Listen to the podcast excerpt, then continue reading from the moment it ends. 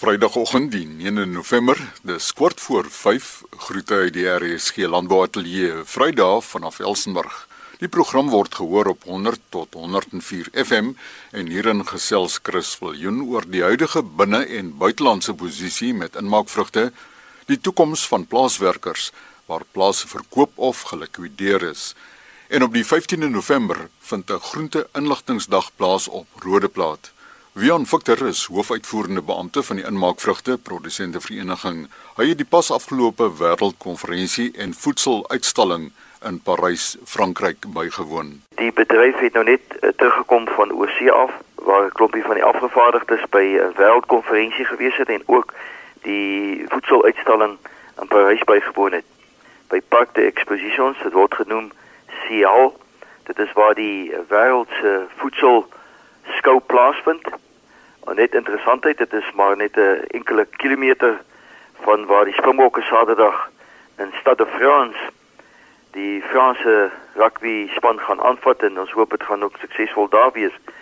Die uitstalling was suksesvol. Ek wil graag 'n pleintjie gee aan die Suid-Afrikaanse Departement van Handel en Nywerheid wat 'n pragtige nasionale uitstalling vir Suid-Afrika daar geplaas het. Dit moet ongelukkig rapporteer dat die wêreldekonomie is in 'n moeilike fase en ons vind dat die afname in die ekonomiese bedrywighede ook 'n invloed het op die kopers en die verkopers by so 'n uitstalling wat internasionaal plaasvind. Uh, ons het beslis gevind dat daar minder voete is en dat daar minder belangstelling is. Ons hoop dat die kontrakte wat geskryf is by die voedseluitstalling tog vir ons voordeel sal bring vir die komende seisoen en ons kyk ook met groot verwagting dan uh, uit na die komende seisoen. Wat die inmaakvrugtebedryf mark betref is hy redelik in balans. Op die oomblik is die wisselkoers nog in ons voordeel. 'n swak rand maar daar's geen vuurwerke nie. En dan aan die verbruikerskant vind ons dat daar ook nie 'n geweldige vraag na vrugte of na uh, ingemaakte vrugte is nie. Ek moet egter dan uh, rapporteer dat ons in 'n baie baie laagtepunt is met die sapvrugte gedeelte die puree en daar is 'n klein verbetering maar van 'n baie baie lae basis af. So ons hoop dat die nuwe jaar vir ons dalk 'n bietjie verbetering daar gaan bring. Ons gaan deur baie diep waters wat ons perske puree spesifiek betref. Die pryse is heeltemal op laagste was in die afgelope 15 jaar. Die beweging is net nie daar wat ons wil hê nie. Dit ook omtrent min of meer die boodskap wat ons gekry het by die wêreld inmaak konferensie in Murcia, Spanje.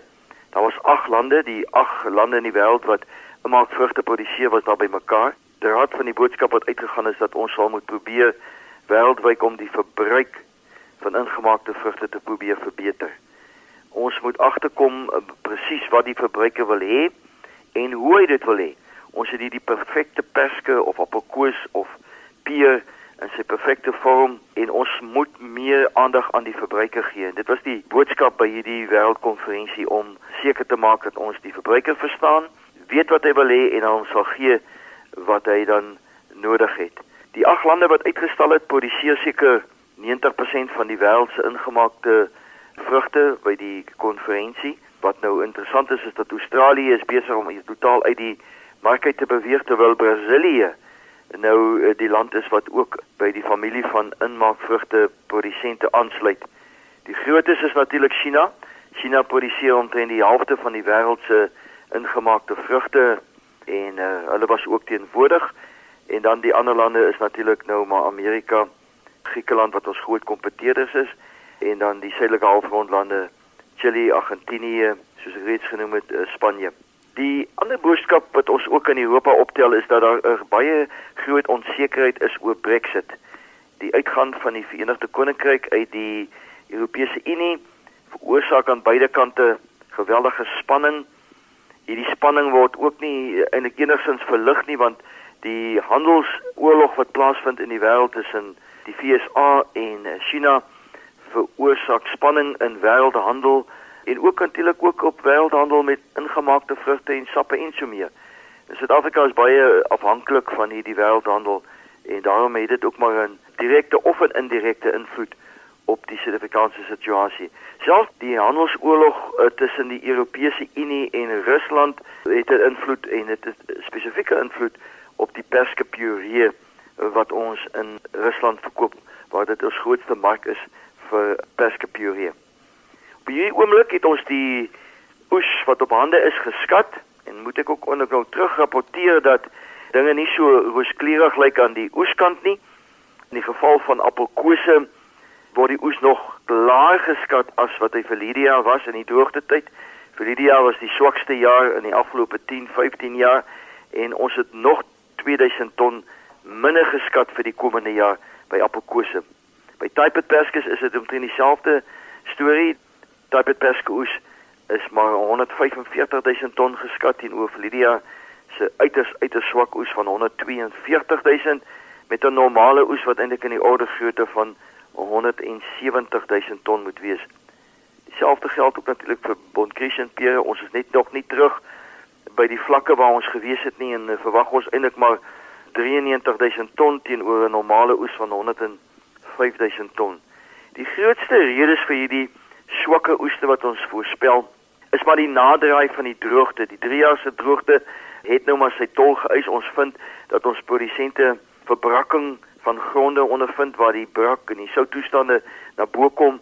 Ons het baie meer baie meer reën nodig om hierdie verbrakking uit te loog. En dan natuurlik die feit van die wispelturige klimaat wat ons deur uh, gaan. Die bome kan hierdie stres toestande van uh, 40 42 grade vir 'n week en dan weer afkoel toestande tot by 10 grade net nie hanteer nie. Die vrugte speen van die bome af wat dan ook nou bydra tot hierdie swakker oeskattinge wat ons op hande het.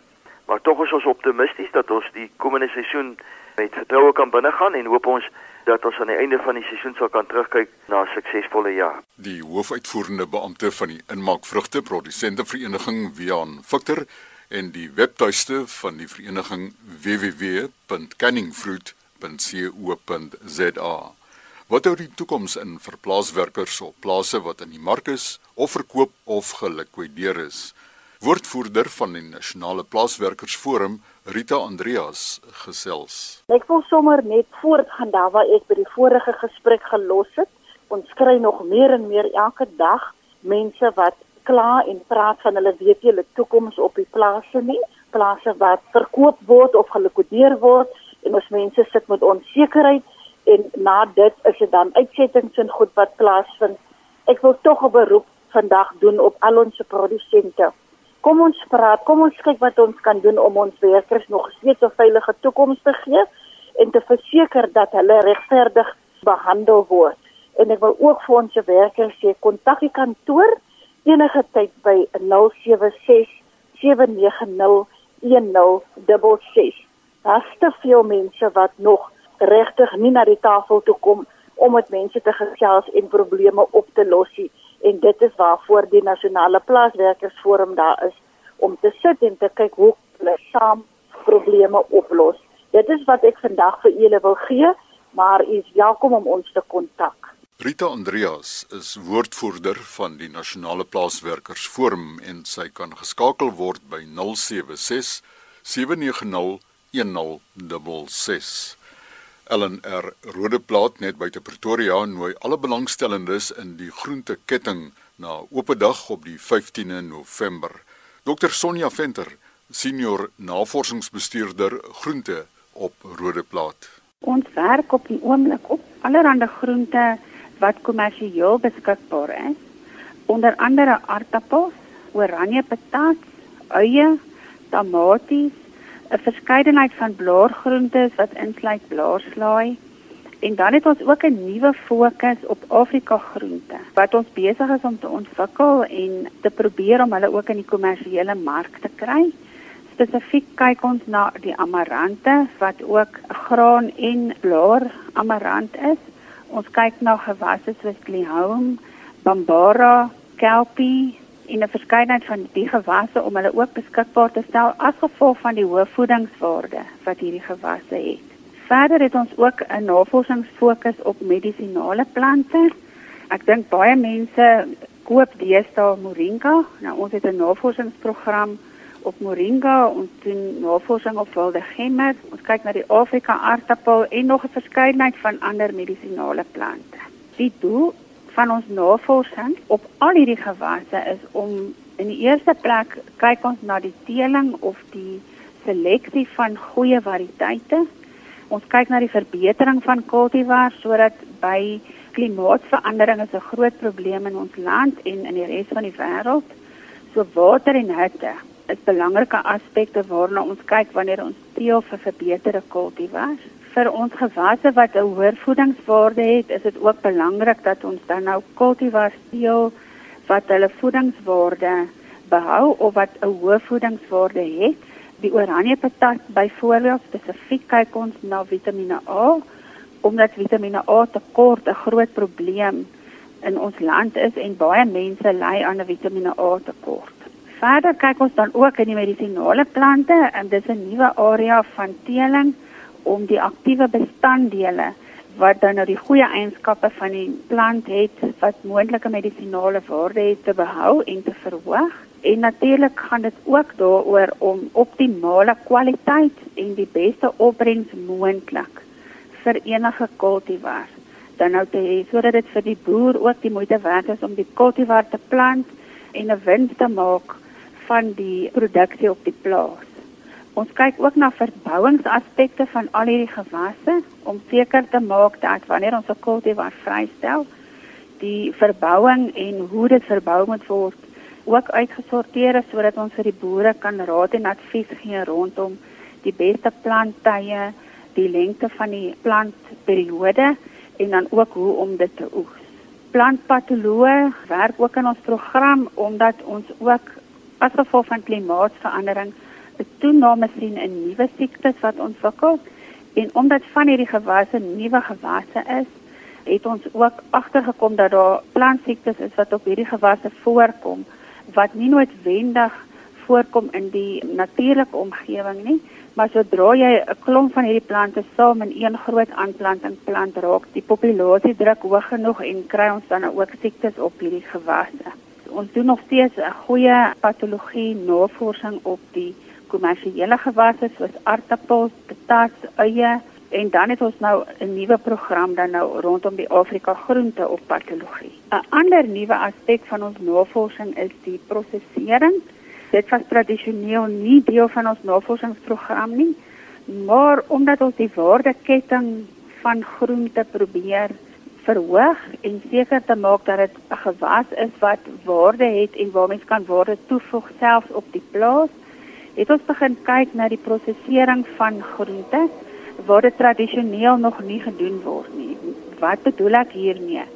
Byvoorbeeld oranje patat is daar 'n wye reeks van produkte wat ons nou ontwikkel het vir mense wat klein sake ondernemings wil begin. Byvoorbeeld die droging van die patat en dan kan die patatmeel gebruik word saam met ander meel om brood te bak, selfs in soppe, ook in ander gebakte produkte. Ons kyk ook na sap van die patat ons het ook begin kyk na 'n kombinasie van produkontwikkeling van die gewone groente soos patat saam met inheemse groente. Ons kyk ook na die droging van die inheemse groente om die raklewe te verleng. Verder kyk ons na 'n vermenging van produkte om nuwe produkte op die mark te stel. Vir die medisinale plante is die fokus om te kyk watter produkte kan ons ontwikkel wat vir die kosmetiese mark, met ander woorde velprodukte wat deesdae ook nog ons 'n groot aanvraag is. Ons kyk ook na die ontwikkeling van natuurlike medisyne. Ons kyk na die ontwikkeling van produkte wat 'n hoë voedingswaarde het en in die prosesering probeer ons die navorsing fokus daarop dat ons die voedingswaarde en die aktiewe bestanddeel dan so hoog as moontlik behoue bly ten spyte van die proseseringsproses ons wil ook graag hoor van die verbouers, van die mense wat uiteindelik die produk eet, van mense in die bedryf wat in die verwerkingskomponent van landbou is. Wat is die behoeftes? Wat is die direkte leemtes wat hulle kan sien rondom groente en selfs medisinale plante? En dan sou ook vir die ANR te help om te bepaal waar is die navorsingsfokus vir die volgende 5 tot 10 jaar die dag is oop, maar dit is vir ons van kardinale belang dat die gewone publiek of mense wat belang het in hierdie veld wat ons dalk nog nie geïdentifiseer het nie, dan ook hulle self aan ons sal bekend maak en die dag kom bywoon. Dr Sonja Venter, senior navorsingsbestuurder groente by LNR Rodeplaat. Dan in RSG Landbou môreoggend om kort voor 12 Die Elsenburg Landbou College 120 jaar. Groete.